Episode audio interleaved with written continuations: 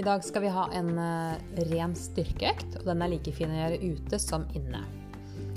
Så etter at du har varmet opp, så er det bare å slå på podkasten igjen.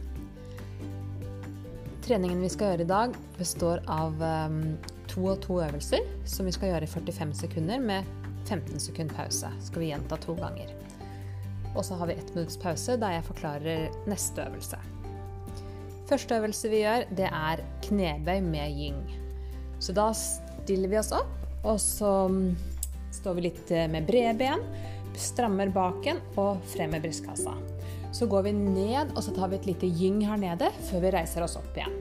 Så går vi ned, ned og opp. Så ned, gyng og opp. Og vi fortsetter her. Tenk hele tiden på at du skal få knærne dine utover tærne.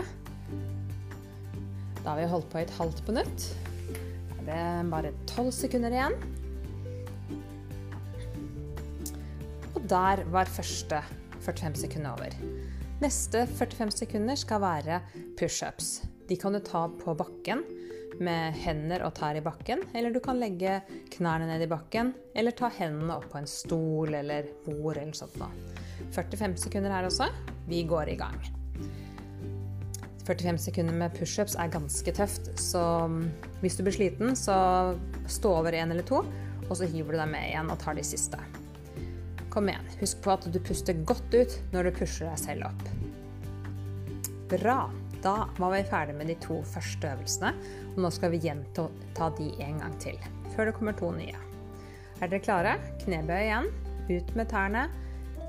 Frem med brystkassa, og vi går ned, gyng og opp. Ned, gyng og opp. Bra. Kom igjen, vi fortsetter. Og hvis du liker litt musikk, så mm, er det bare å sette på, ha musikk på øret også. Jeg har satt på litt her, så nå spiller jeg litt musikk for dere. Så mm, fortsetter dere å gjøre samme øvelsen helt til jeg sier fra. Bra.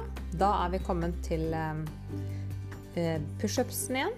Først har vi 15 sekunder pause, og det er bare å benytte seg av den pausen. Det er alltid godt. Og så finner vi riktig start, startposisjon, og så går vi i gang. Så vi går ned og blåser ut når vi reiser oss opp. Slipper kroppen ned og puster ut opp.